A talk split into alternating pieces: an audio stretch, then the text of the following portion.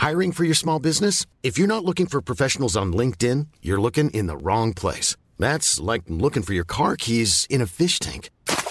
LinkedIn helps you hire professionals you can't find anywhere else, even those who aren't actively searching for a new job but might be open to the perfect role. In a given month, over 70% of LinkedIn users don't even visit other leading job sites. So start looking in the right place. With LinkedIn, you can hire professionals like a professional. Post your free job on linkedin.com slash spoken today. Ryan Reynolds here from Mint Mobile. With the price of just about everything going up during inflation, we thought we'd bring our prices down. So to help us, we brought in a reverse auctioneer, which is apparently a thing. Mint Mobile unlimited premium wireless. Ready to get 30, 30, bit to get 30, bit to get 20, 20, 20, bit to get 20, 20, bit to get 15, 15, 15, 15 just 15 bucks a month. So, Give it a try at mintmobile.com slash switch. $45 upfront for three months plus taxes and fees. Promo rate for new customers for limited time. Unlimited more than 40 gigabytes per month. Slows. Full terms at mintmobile.com. There's never been a faster or easier way to start your weight loss journey than with PlushCare. PlushCare accepts most insurance plans and gives you online access to board-certified physicians who can prescribe FDA-approved weight loss medications like Wigovi and Zepbound for those who qualify. Take charge of your health and speak with a board-certified physician about a weight loss plan that's right for you. Get started today at plushcare.com slash weight loss. That's plushcare.com slash weight loss. plushcare.com slash weight loss.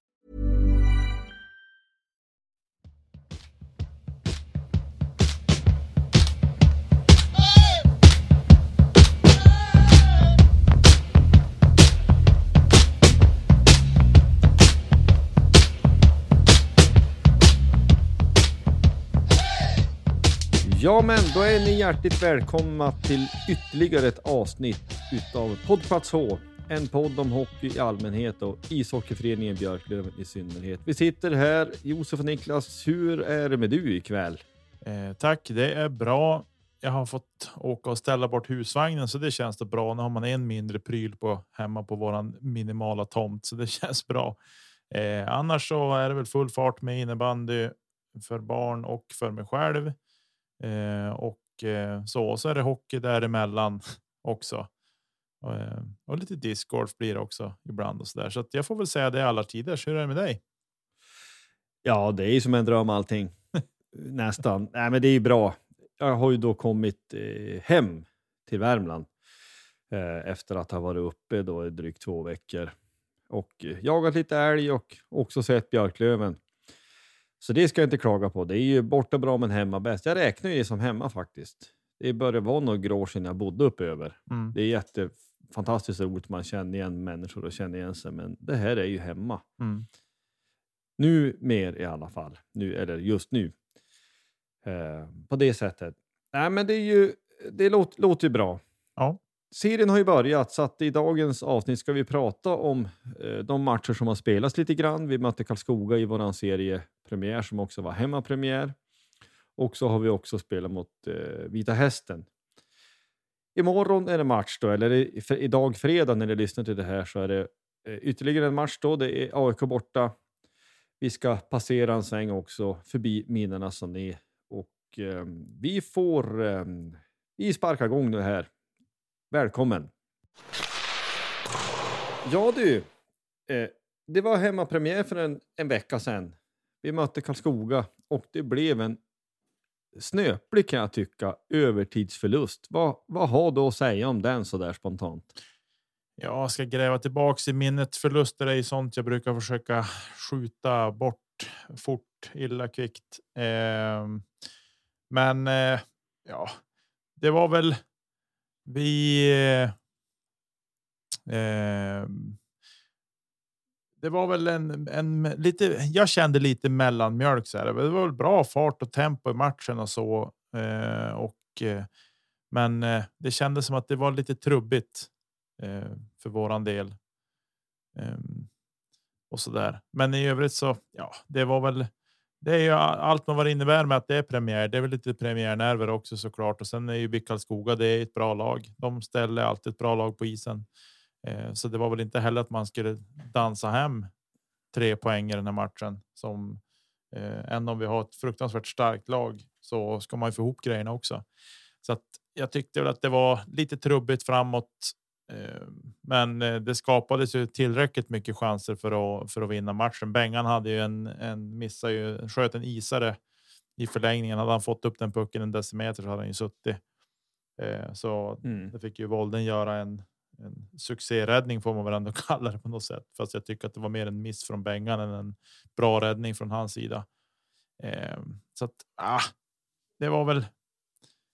Var väl en, en, eh, en som en premiär kan vara mot ett bra lag, tänker jag spontant. Ja, jag håller med. Jag tycker att starten var väldigt pigg.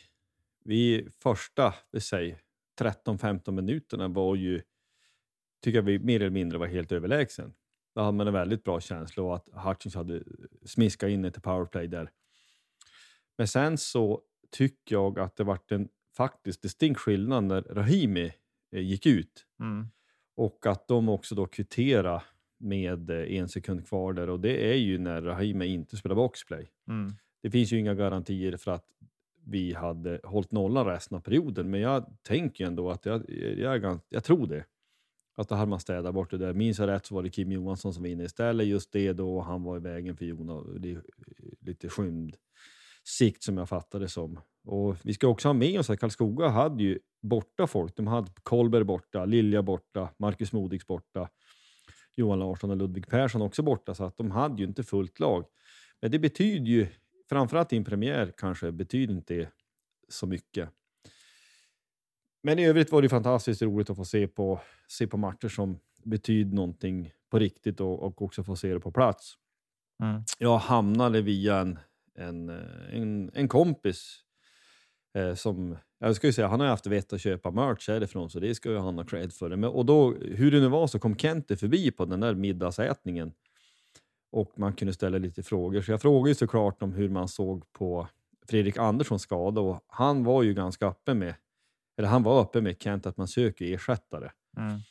Och eh, eh, jag gissar då att, ja, men, eller han det sa han ju själv, eh, vi är i det läget i september att det finns inte så mycket, alla säsonger börjar ju.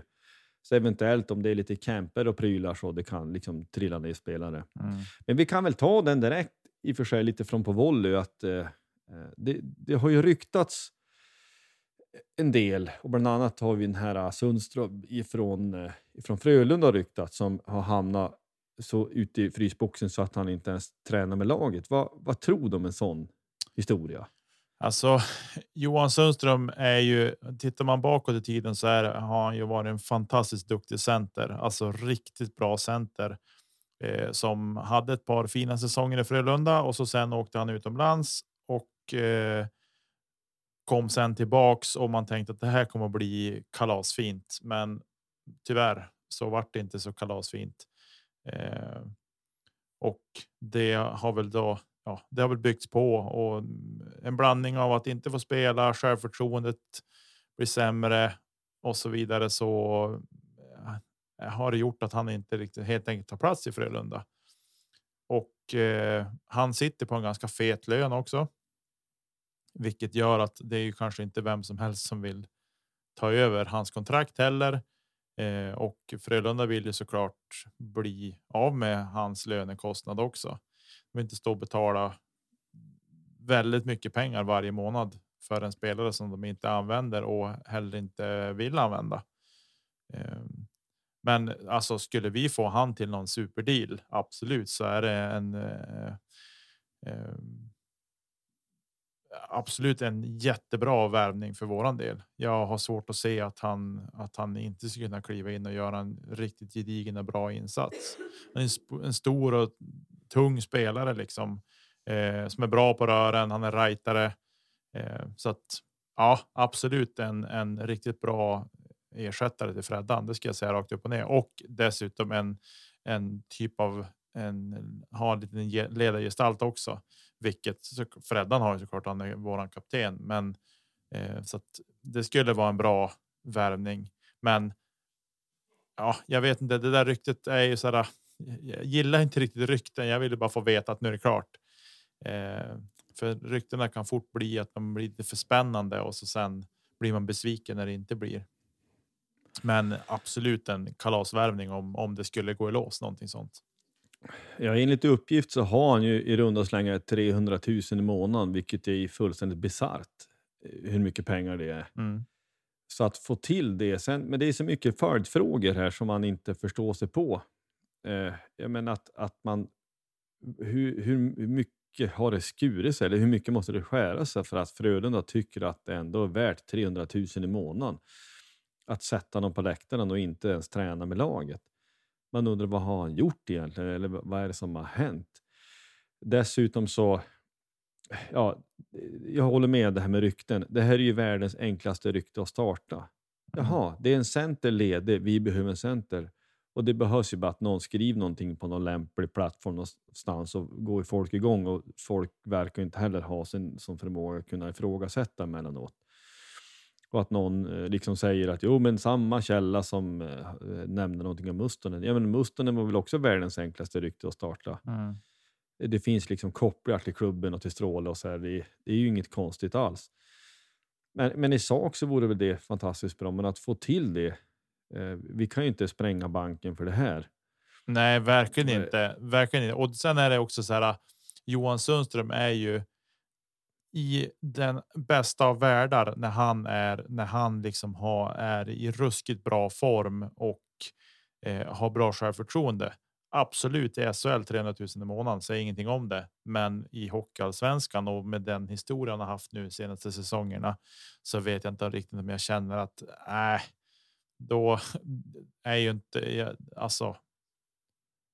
Jag vet inte vad man vad man pratar om för löner heller, men det är ju ingen vi ska gödsla nå ens 100 000 i månaden på tycker jag. Men det är ju. Jag har ingen. Jag har ingen insikt i ekonomin eller sådana saker och det finns andra som kan spekulera i en sån lön för honom.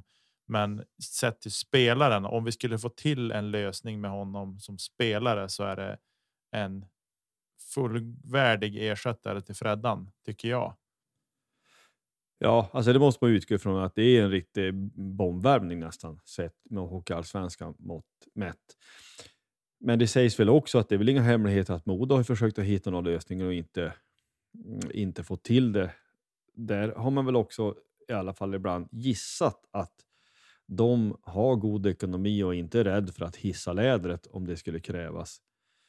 Um, uh, ja, utan att man då vet och för att vara- knyta upp just Johan Sundström-tanken här, eller Johan Sundström-spåret, så nu har ju Frölunda hostat upp ganska mycket pengar och man har också så pass mycket pengar uppenbarligen så att man tycker att det är värt att slänga ut det här. Men att få till någon slags utlåning där ja, Löven står för en liten del kanske om, om det kunde gå att få till. Men jag vet inte hur enkelt, har man inte löst det nu med det är klart det måste ha funnits intresse. Jag vet inte om andra sidan det kanske är lite lättare för en hockeyallsvensk förening att de vill väl inte låna ut han till en SHL-konkurrent som man direkt kommer att möta, tänker jag, utan det är kanske lättare med någon, någon annan klubb någon annanstans. Men det är varken Schweiz eller någonting annat har ju hoppat på det här. Ja, vi får se. Mm. Skulle han komma vore det, det är det ju bara att lyfta på hatten åt Per Kentes trolleri som sportchef. Jo, och jag tänker också att Sundström kanske har någon sorts självinsikt också i att ja, men jag kan inte. Alltså, jag tycker att spelare som på något sätt i någon sorts protest också.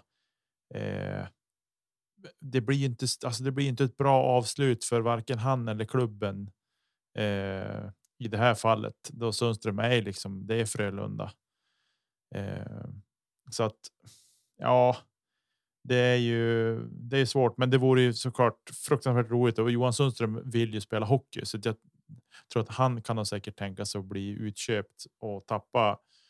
Ja, det blir ju miljonbelopp vi talar om kanske beroende på hur långt kontraktet nu var, men men eh, bara för att han ska få. Eh, ja, men ska man säga komma loss därifrån och, och få göra det han vill och brinner för. Precis. Ja, vi vet i alla fall att man tittar på att försöka få in folk och det tycker jag är uppenbart. Vi gick ju in med egentligen en forward kort. Alltså Holmner och, och Ekefjärd i all ära så eh, hade vi en riktig seniorspelare för lite, vilket ju visade sig direkt. Men eh, jag menar, på kort sikt så är det inga problem, men i längden Mm. så är det ju bra om man har både stor och bred och bra trupp. Mm. Ja, och väder, vi är näringskedjan som vi har sagt tusen gånger.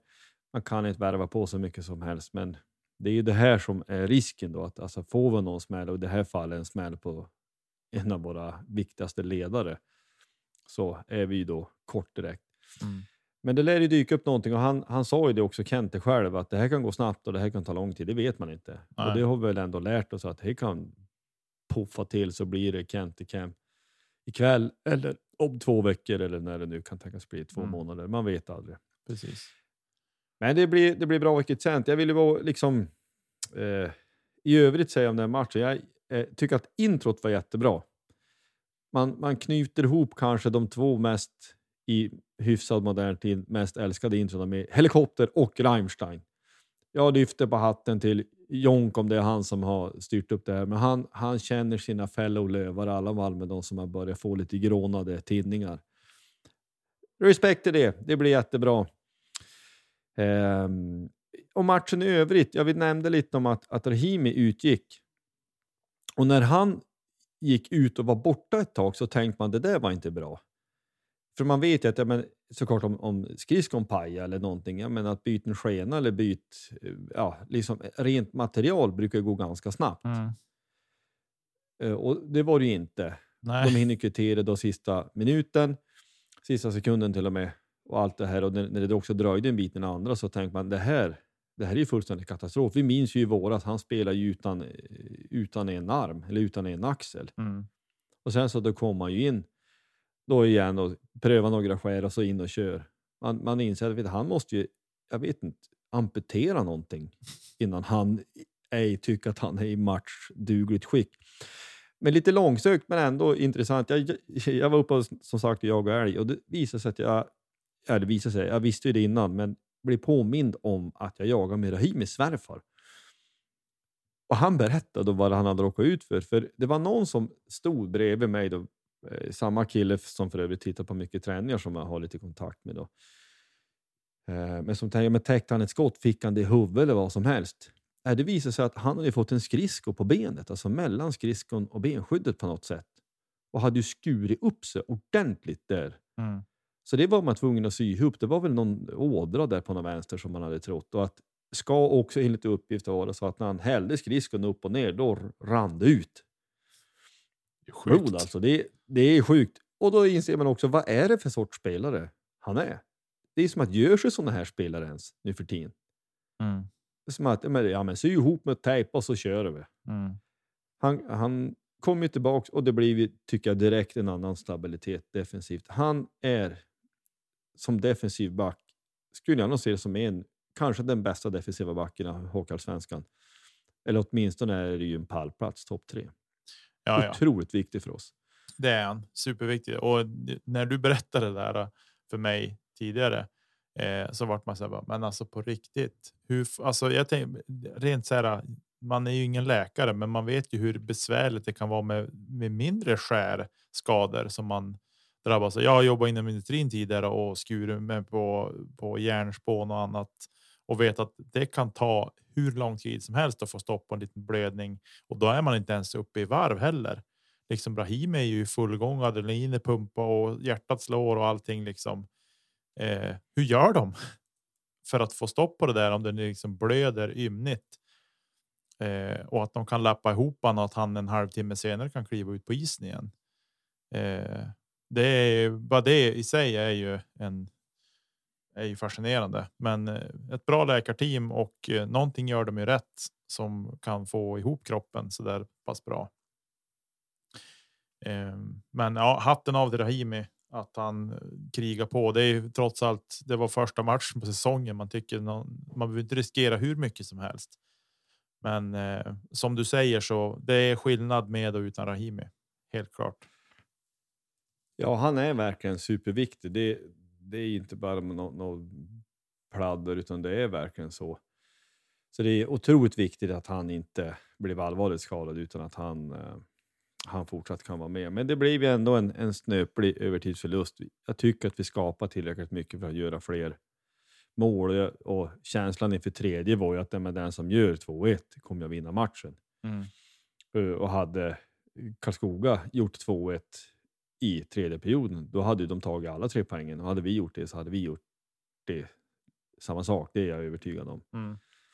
det blev inte så och det är ju surt såklart och det var lapp på luckan och allt det här. Men det får ju bli vad det blir med den saken. Det, var, det är ju det, det som är bra att det är ju när serien är igång så kommer det alltid nya matcher. Det kanske dröjde onödigt länge med fem dagar till nästa match. Men oavsett vilket så, det kommer alltid nya chanser om man har, har möjlighet att kunna justera. Mm. Och med det så tänker jag att vi går in på nästa match och den som var då i onsdags. Mm. Där det blev en, får man ändå säga, ganska komfortabla tre poäng. Vad tänkte om den? Ja, det var väl ingen klang och jubelföreställning tycker jag spelmässigt. Vi var effektiva. Vi fick tre poäng på kontot, inga skador vad jag då vet. Eh, nästa match. Det är lite så. Eh, jag, jag såg hela första, eller inte riktigt hela första perioden, men bra nog nära. Och sen eh, missade jag andra och tredje. Då jag var tvungen att åka iväg på mitt tränaruppdrag. Och eh, sen såg jag i kapp idag såg jag mm. eh, period två och tre strövis och så där för att få lite uppfattning om om matchen. Och jag tyckte väl inte att det var. Eh, att det var någon sådär succéföreställning och men tre poäng på kontot. Effektiviteten var där. Vi spred ut målskyttet en del också, vilket jag tycker är en styrka. Eh, än om vi har en hel del bra målskyttar. Eh, Bedouin tycker jag är riktigt grym. Han lurar i målvakten upp på läktaren vid vårat 5-2 mål. Eh, så det var ju tomt mål. Med, man kunde slå en fladderlobb i mål. Eh, och vad som hände där. Det har sett mycket kommentarer om om Ores eh, agerande i målet där, men jag tror att han. Jag tror att jag tror helt ärligt att Bedouin lurar han eh, med att han skulle skjuta och så sen i sista sekunden så slår han passen. Eh, eller sekunden, sista tiondelen av en sekund kanske ska säga. Så väljer han att slå en pass istället. Eh, och det var sen tomt mål och det går fort. Eh, det såg ut som en målvakt som bara stod still i målet på en straff i fotboll ungefär. Det var ja. såg lite märkligt ut, men jag tror att det kan hända. Han, han blev helt ställd och kanske balansen på fel fot eller någonting som gjorde att det vart knas. Eh, så att, eh, men i övrigt så tyckte jag väl att kul att vi gjorde en hel del mål. Eh, och att vi spred ut målskyttet. Tre poäng, inga skador. Ja, som jag sa, det, det är väl det jag tar med mig egentligen. Och nu får vi ladda om till AIK matchen. Men för att fritt citera Roger Federer, lite långsökt koppling kanske, men han har väl sagt något liknande, eller innebörden om jag förstått det rätt, är att han, ja men jag försöker liksom inte spela mitt livs tennis varje match. Jag försöker spela tillräckligt bra för att vinna just den givna matchen.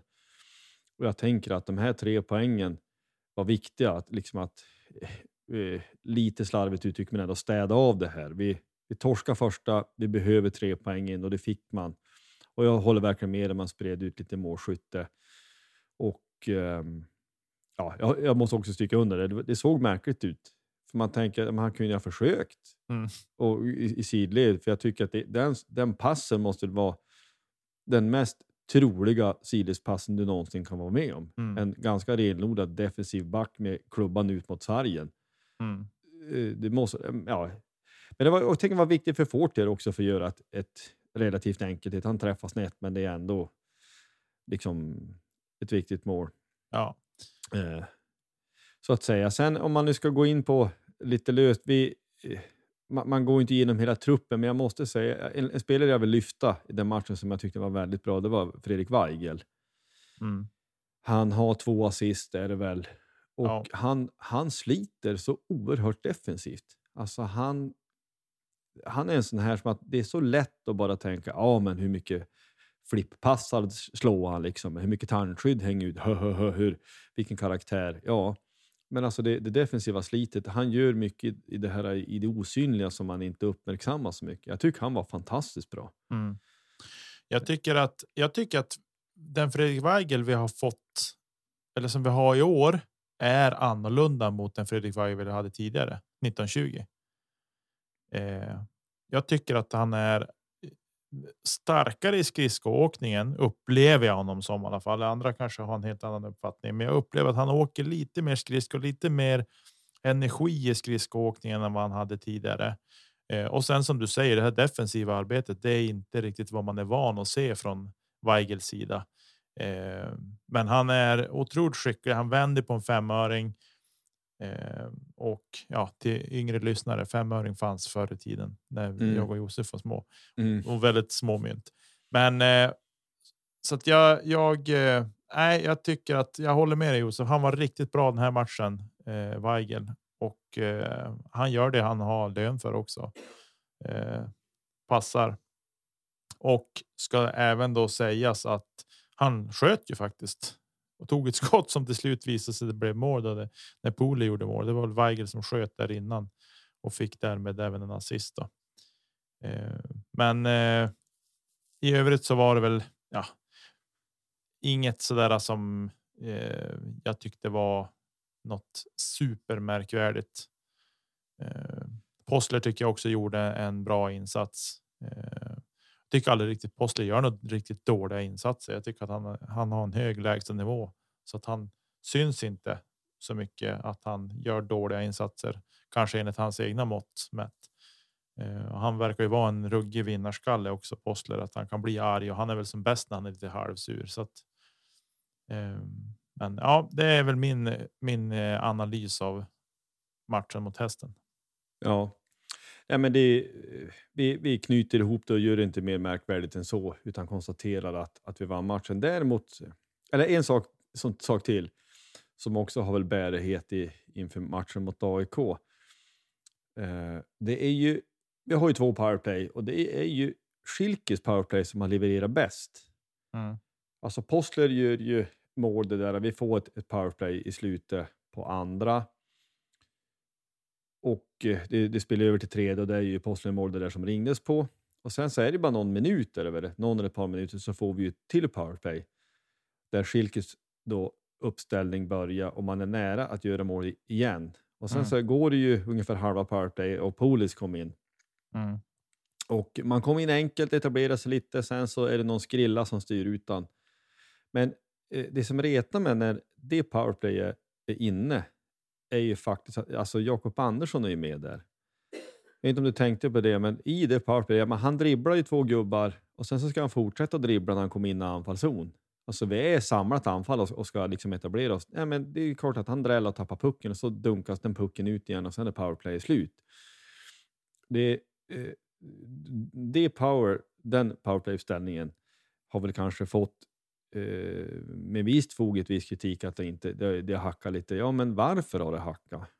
Mm. Jag, jag vill se det som att jag, jag ser ju helst att någon annan back kommer in där än Jakob Andersson, för jag tycker inte han eh, eh, faktiskt är tillräckligt bra för att spela powerplay. Och det handlar ju inte nu om att vi tänker att ja, men nu är det hans historia, han har spelat, mot, spelat i vår största rival och allt det här. Ja, men det är inte det. Jag tycker att vi har bättre backar jag tycker Wagner ska gå före. Jag tycker säkert någon eh, Nörsteby kan hellre få spela powerplay än vad han gör.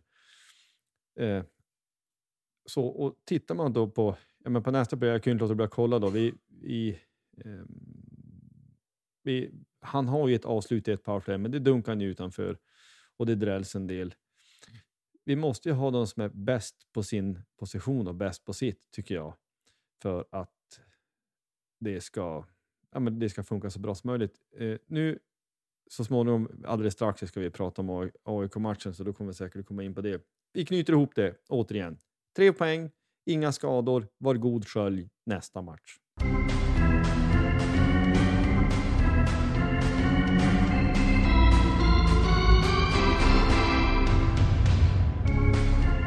Ja, det är bortamatch på Hovet. Jag hade tänkt mig dit. Eh, så det ska bli roligt. Det ryktas om att de har eh, satsat på att få gå för eh, utsålt. Jag tror sist jag kollade så var det över 5000 biljetter sålda till den matchen. Så det, det, det borgar ju för ett visst drag och får man med sig, får, eller får AIK med sig hockey, nej vad säger jag, får de med sig fotbollsfolket dit, då är det ju bra drag det kommer att bli.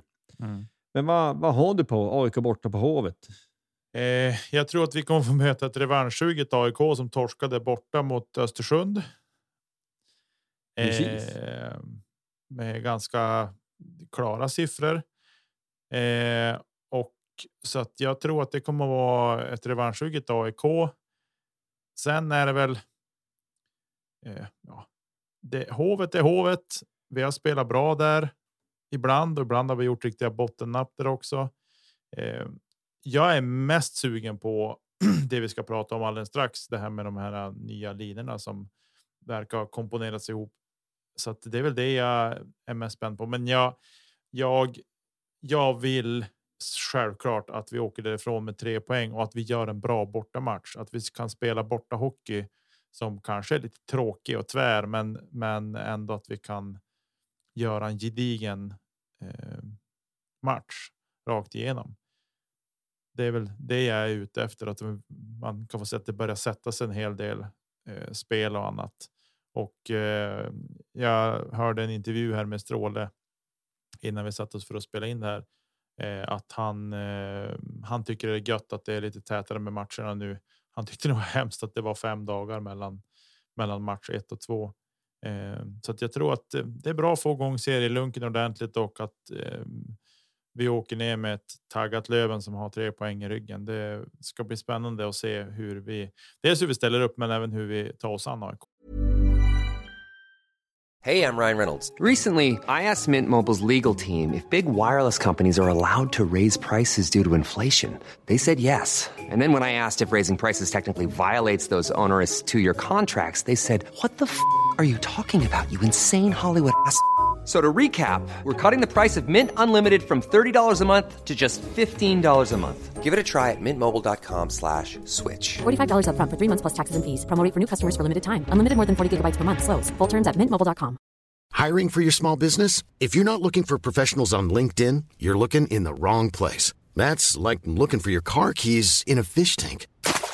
LinkedIn helps you hire professionals you can't find anywhere else, even those who aren't actively searching for a new job but might be open to the perfect role. In a given month, over 70% of LinkedIn users don't even visit other leading job sites. So start looking in the right place. With LinkedIn, you can hire professionals like a professional. Post your free job on linkedin.com slash spoken today. Ja, jag, jag, håller med dig. Vi kan väl dra det som vi vet, eller som vi fick, vi fick eh, både av kompisar som var på plats och sen, sen även har ju Niklas Granberg som har varit med oss också lagt ut hur linorna såg ut. Så vi kan väl ta, ta det då tämligen omgående att i, idag så när Löven tränade så var det Poli tillsammans med Weigel och Schilke. Possler, Olofsson, Hutchings, Fortier, Fitzgerald, Bengtsson och Ekefjärd går in med Mustonen som går in som center och eh, Alexander Wiklund. Pole Weigel Schilke, så tänk mig bara håll i hatten. Det är, är, väl ungefär de bästa spelarna vi har i samma lina, more or less. Ja, det är väl eh, eh, på sina positioner så kan det nog vara det. Ja. Ja, det, jag tycker det låter fantastiskt och vi har ju pratat om det tror jag. Alltså, jag skulle gärna se att Schilke, Schilkes spelskicklighet kunde kopplas ihop med Polis avslutsskicklighet. Mm. Och ha då dessutom en, som var konstaterat, en grovt, eh, faktiskt, det låter helt märkligt att säga det i, i samma mening som Fredrik Weigel, men en ganska grovt faktiskt defensivt arbetande center också, som dessutom har eh, ett av våra vårt lags känsligaste handleder. Mm. Så borde det kunna bli bra. Jag hoppas verkligen att det inte går, eh, alltså att de får chansen nu några matcher. Mm. Jo, det är det. De ska ju få någon chans att bygga lite kemi också.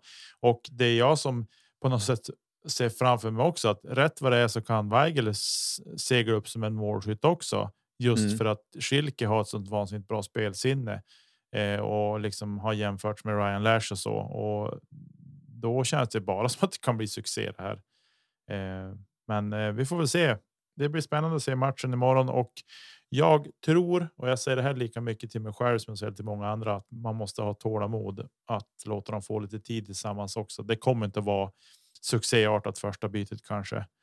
Eh, och inte kanske första matchen heller att det kommer att flytta på och vara hur bra som helst. Men skickliga spelare brukar hitta ett sätt att, att kunna göra varandra bättre och hitta varandra i öppna ytor.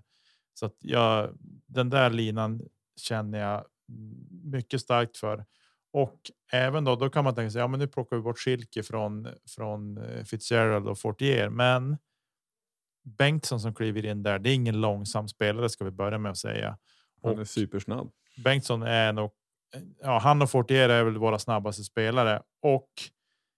Dessutom ska man veta Bengtsson har ju han var vår bästa målskytt i fjol. Han har ett bra målsinne. Så att ja, det där. Det känns inte som att att vi har eh, förstört en lina genom att göra den här.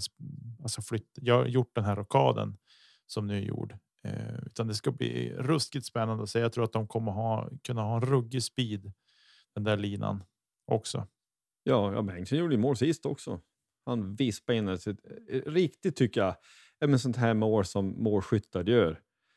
Eh, liksom de, de som har säm, alltså bra känsla, bara pucken fladdrar och hoppar, han bara slår till direkt och får bra träff.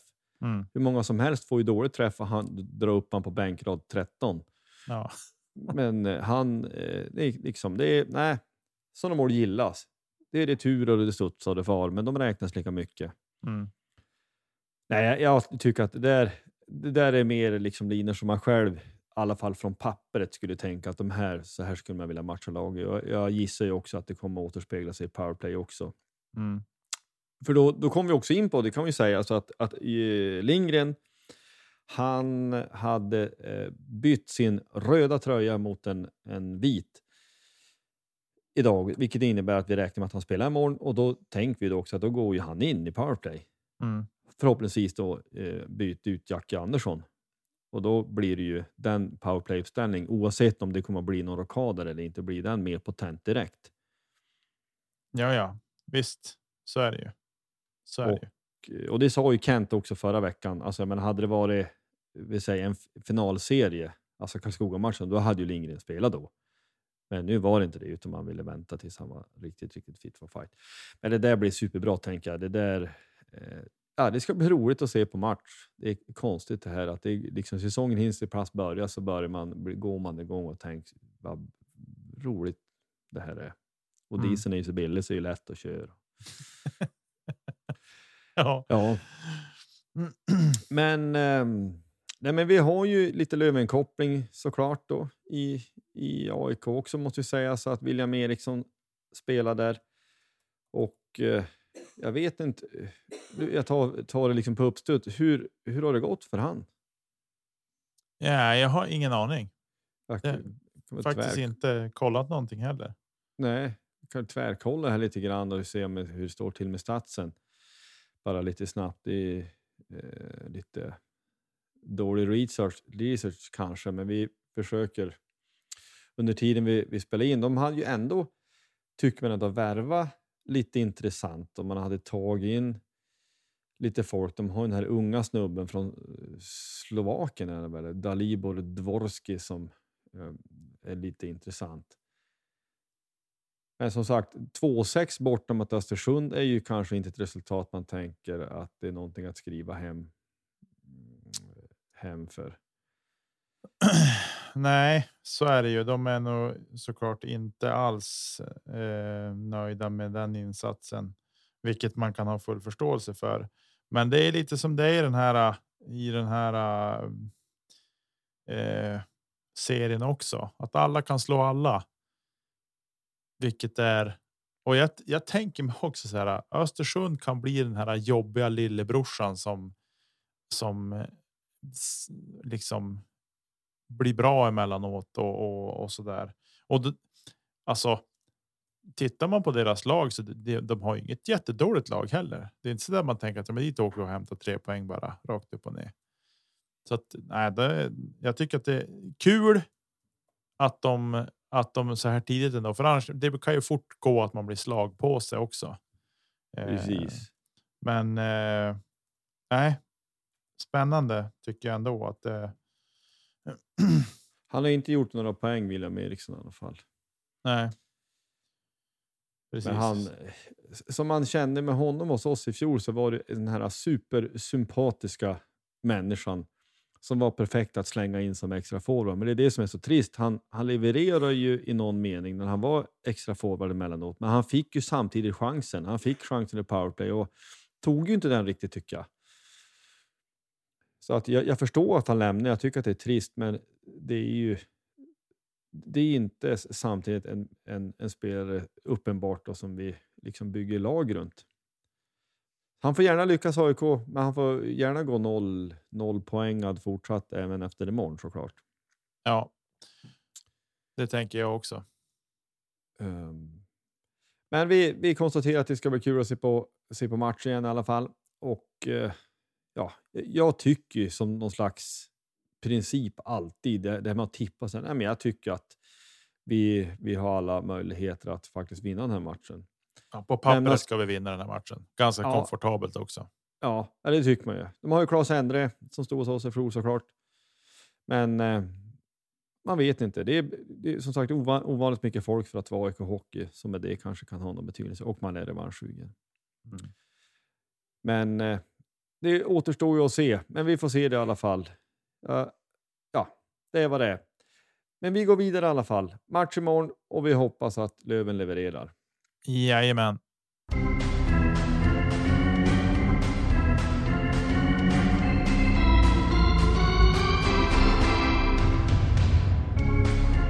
Vi, det har gått ett, ett antal avsnitt sedan vi hade eh, segmentet som vi har haft emellanåt om minnenas allé. Så jag, vi tänker att vi, vi borstar av ett, ett antal nummer. En del som kanske är givna och en del är fullt inte lika givna. Vi tänker ta 25 till 27, alltså 22, nej, 22 till 27, 22, 23, 24, 25, 26 och 27. Så 22, vem är det som är spontant nummer 22 för dig? Nicke Johansson. Ja. Det är det nog faktiskt för mig också. Eh, inte minst för att han spelade enormt många säsonger i Björklöven och han var, var trogen och, och spelade med oss länge, även fast man kan tycka att han eh, kanske kunde ha spelat spelade vid något annat, eh, något annat lag, men han, han spelade med oss och, och ja, för långt tog en tjänst. Men det är ganska många bra som har haft 22 ändå, ska man ha klart för sig. Vi kan nämna Jocke Lidgren, Fredrik Bergqvist och så har vi ju Peter Pekka Edström om vi ska gå tillbaka till när vi var som bäst och bäst i Sverige. Mm. Sägs väl också att just nämnde Peter Pekka Edström en av de få som klart kunde utmana vår dåvarande kapten Peter Andersson på snustorlek. Det var några rejäla biffar han la upp där under, så det kanske ska nämnas som någon slags spetsegenskap. Ja, Eh, vad vet jag. Nej, men han var ju, de var väldigt bra. Men för min del, 22 får gärna Nick, Nick Johansson ta. Inte minst för lång och trogen tjänst. ja, nej, så är det ju. Vi är ju dessutom kollegor nu, så att det känns ju extra roligt att kunna få få ge han den. Men det, men det är inte bara därför, utan. Eh, eh, vi, jag, jag gillar Nicke när han spelar Löven. Sen Fredrik Bergqvist är också en som jag har minnen med. Eh, faktiskt. Det, han var ju Björklöven eller man kom till Björklöven där. Jag kommer inte ihåg exakt, men i slutet på 90-talet när jag började föra Björklöven ganska slaviskt och var på mycket matcher och så där som tonåring. Eh, så Bergqvist är också en som jag som jag minns väldigt väl också. Eh, så där. Men eh, den här gången så känns Nicke Johansson känns given för mig och och ge den här. Eh, om vi tar och rullar över på nummer 23 då, där är det väl inget snack om vem vi vill ha där. Nej. Roger Bullen Hägglund, han hänger i taket i våran hemmaborg och det är fullständigt givet att det är, det är bara han som man ens ska nämna. Han nämnde vi, eller pratade med en del om i nummer 13, eller avsnitt 13, där vi då mindes honom för att det var det aktuell då, dödsdag. Han gick tragiskt bort i en Mm. bilolycka. Så det, det avsnittet kan vi gärna backa tillbaka till och lyssna till, där vi nämnde honom. Han är helt given på nummer 23. Nummer 24 är också ett nummer där det finns, finns några stycken, både eh, längre tillbaka och mer nutida då, som, man, som är väl värda att nämna. Rolf Berglund är ju en. Till Mm. exempel då, han, han var ju en ganska elak back för sin ti- tid. Han låg i topp i utvisningsliga ofta för Björklöven. Otroligt nyttig och hård back. Men vi har ju också Daniel Wågström. En annan favorit, fast han inte spelar så mycket, var ju samtidigt Heiskanen. Eh, Mm. Vilken, vilken snabla spelare det var. Alltså det är mycket stories runt han och vilket som är sant vet jag. Men det sägs väl att han hade väl rent kaffe i sin flaska. Alltså på träningar och matcher. Kallkaffe som har bärde i sig litervis per dag. Ja, usch. Ja, idag när vi spelar in det där är det till och med kaffets dag, så det är ju Ja. Ja, vad man nu ska få, göra av den informationen vet jag inte. Men, men alltså det är, vi- det, och liksom hela tiden, ja, vilken spelare. Han som sagt spelade inte superlänge i Björklöven, men han gjorde ett avtryck. Han var en som man bara fullständigt älskar. Helt hänsynslös med sin egen kropp och även i och för sig hänsynslös med andras kroppar. Har väl kört över en och annan Skellefteå-spelare och jämfört med mopeder med lastbilar och sånt. Det är klart man gillar en sån snubbe. Men Ja. eh, Peder Bejegård och Tobias Hage kan man också, eh, också nämna. Men eh, jag tänker, en sån som Daniel Wågström var ju väldigt bra och han sköt ju faktiskt upp oss i, i, i dåvarande eh, elitserien en gång. Så han gillar jag, väldigt spelskicklig och, och duktig spelare. Mm. Så man tänker, kanske han ska få det Daniel Wågström, eller vad säger du? Ja, det tycker jag. Helt Ja. klart.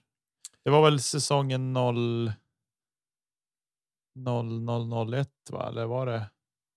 Nej, han gjorde ju 1-0 i Södertälje-matchen 98. Ja, det var han som gjorde 1-0. Det var han Ja. det. Så var det ja. Precis. Och Precis. Martin Vita gjorde på, på Visslan gjorde han Ja, precis. 2-0. 2-0. Ja. Just det, så var det. Precis. 98. Ja, eh, nästa man på tur. Nummer 25.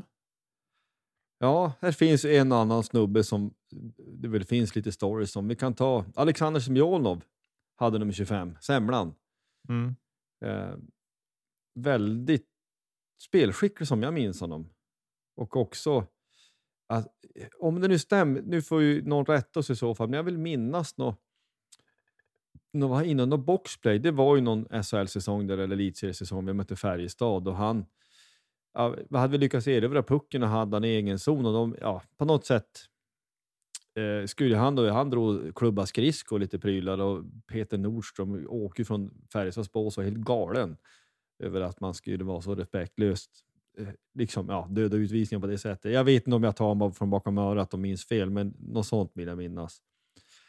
Men han var ju väldigt duktig, eh, som, jag, som jag kommer ihåg. Men vi har ju en sån som Etu Kvist, Mm som väl vilka skador man än har hört talas om. Och man får säga att ja, men, bli uppskuren på benen och skridskoskena, men att som Etu Kvist få förlora en testikel, Ja, Är den är ju- tuff.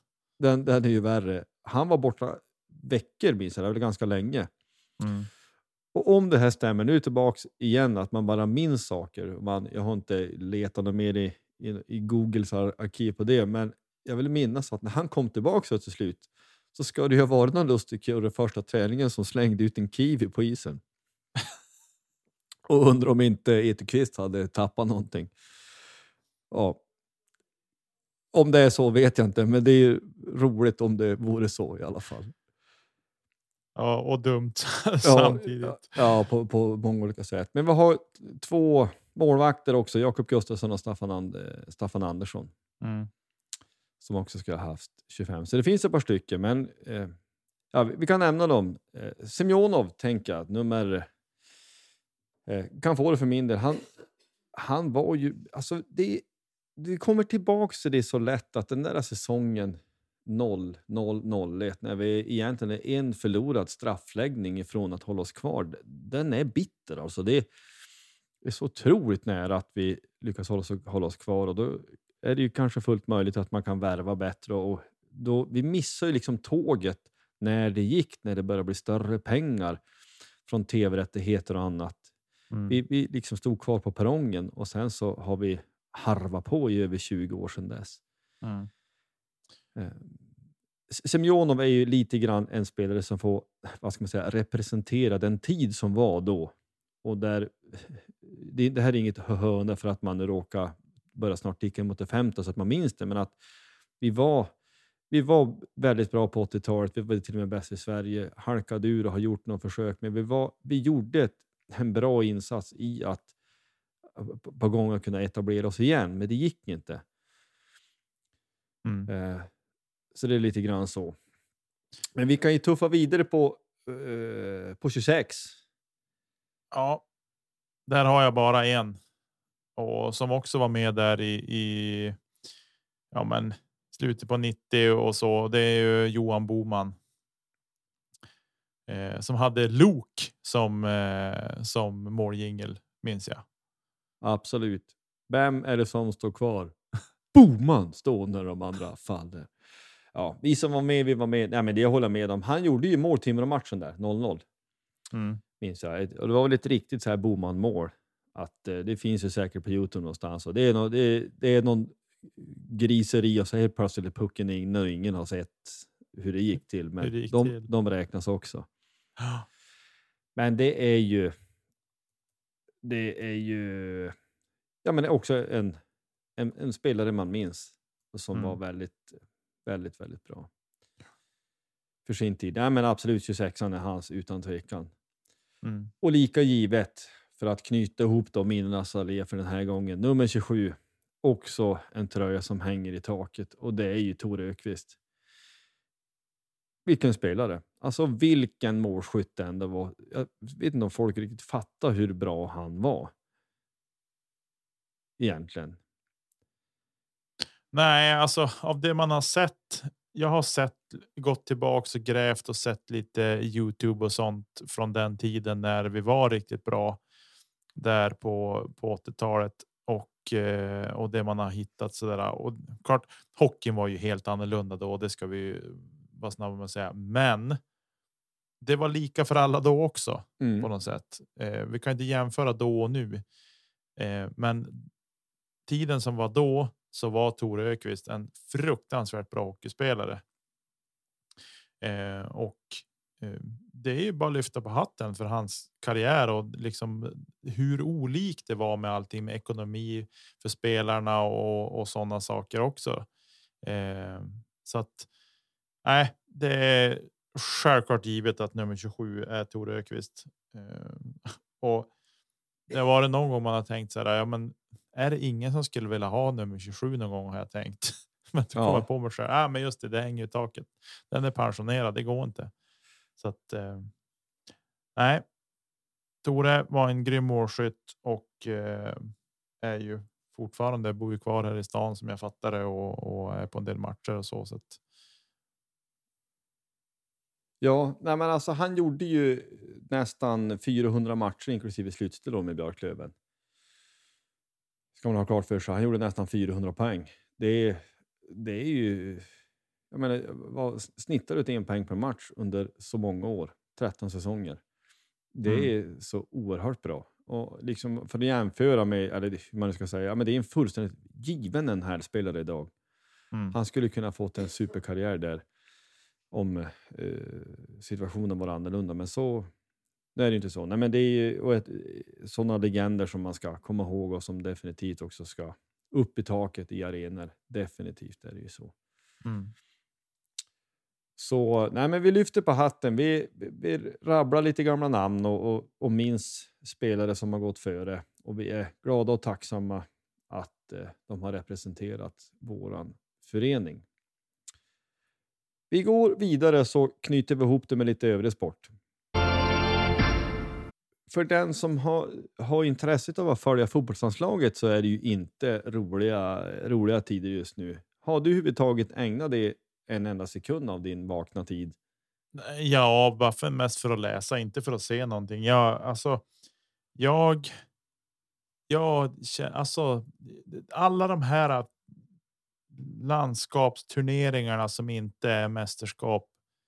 Jag kräks lite. Jag gillar dem inte. Jag tycker att det är för mig. Det är samma sak på hockeysidan också. Det finns alldeles för mycket eh, Eh, av de här Euro Hockey Tour och Karjala och allt. De, nej, bort med dem. Jag vill att det ska vara mästerskap när det ska vara landslag.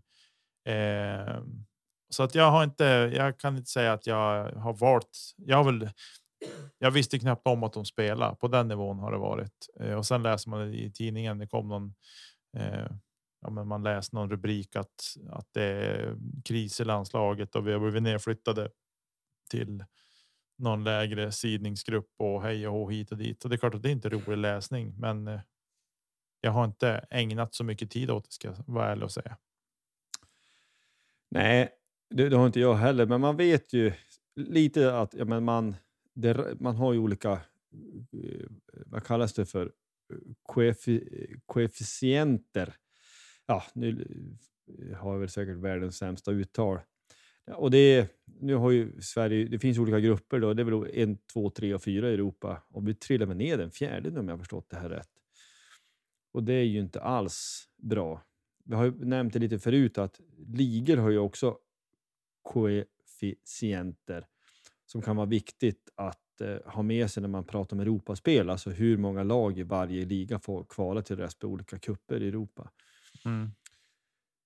Eh, så att det här som nu när vi då kryssade senaste match mot Slovenien var det väl då, det gjorde att vi trillade ner. Och eh, det innebär ju över tid då att vi, vi är liksom, nu är vi, vad är det, Luxemburg, Gibraltar, sådana klubbar. Det är den, eller sådana klubbar, sådana länder. Mm. Det är där som vi rankas nu för tiden och det är ju, det är ju inte alls bra. Nations Nej. League eller ej, ej så eh, blir det ju inte särskilt bra att vi, vi är i en grupp med Serbien, Norge, Slovenien och vi blir klart sist. Sex matcher, Mm. vi vinner bara en, ett kryss och blir fullständigt avrättade mot, en sån, mot ett sånt land som Serbien till exempel.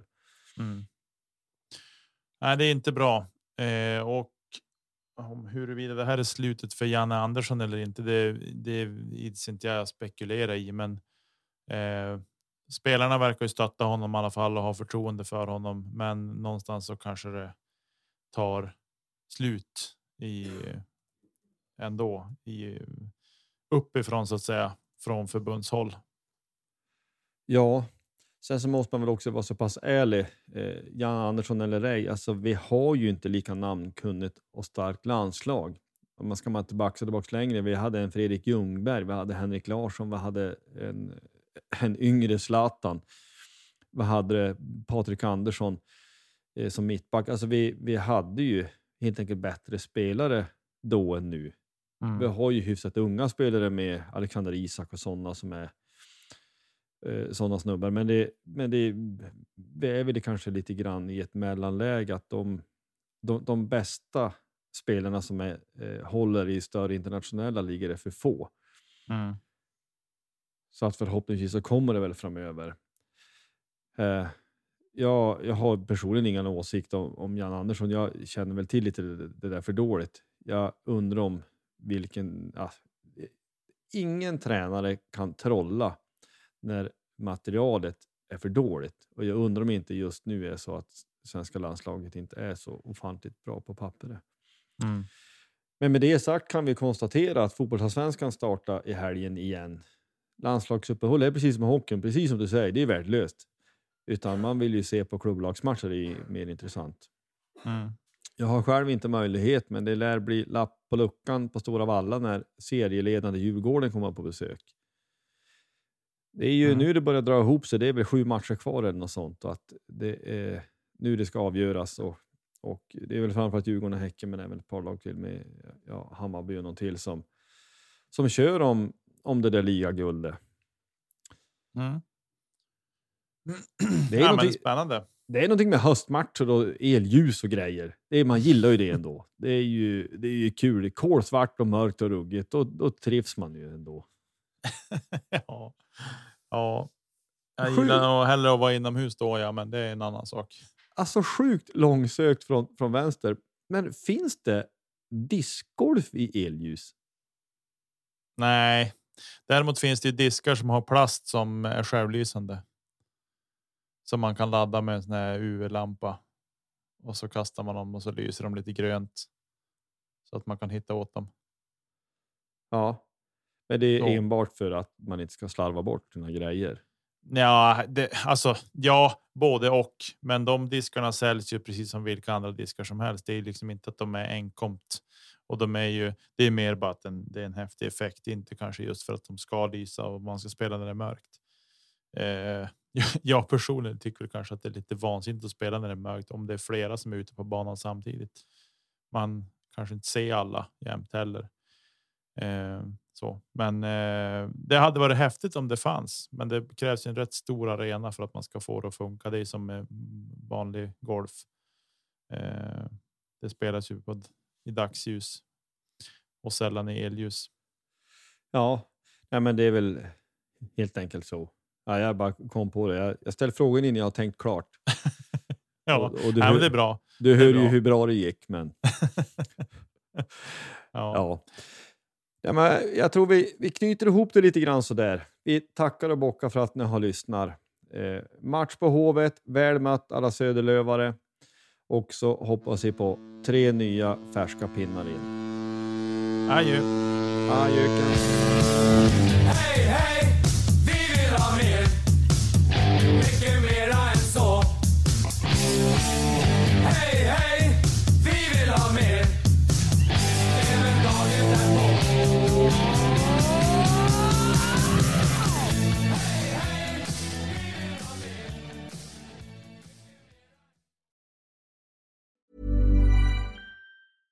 Imagine the softest sheets you've ever felt. Now imagine them getting even softer over time. That's what you'll feel with Bowl and Branch's organic cotton sheets. In a recent customer survey, 96% replied that Bowl and Branch sheets get softer with every wash. Start getting your best night's sleep in these sheets that get softer and softer for years to come. Try their sheets with a 30-night guarantee. Plus, get 15% off your first order at bowlandbranch.com. Code BUTTERY. Exclusions apply. See site for details.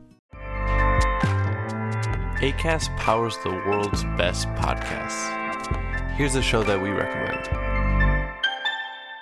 The Real Housewives is a guilty pleasure for most, but if you're looking to not feel guilty about that pleasure, tune in to Everything Iconic with me, Danny Pellegrino, where I break down all the messy moments and behind the scenes antics of Bravo's popular franchise. And on Everything Iconic, I also interview celebrity guests like Kelly Ripa, Kiki Palmer, Drew Barrymore, Cameron Diaz, and more about their guilty pleasures, their past work, and so much more.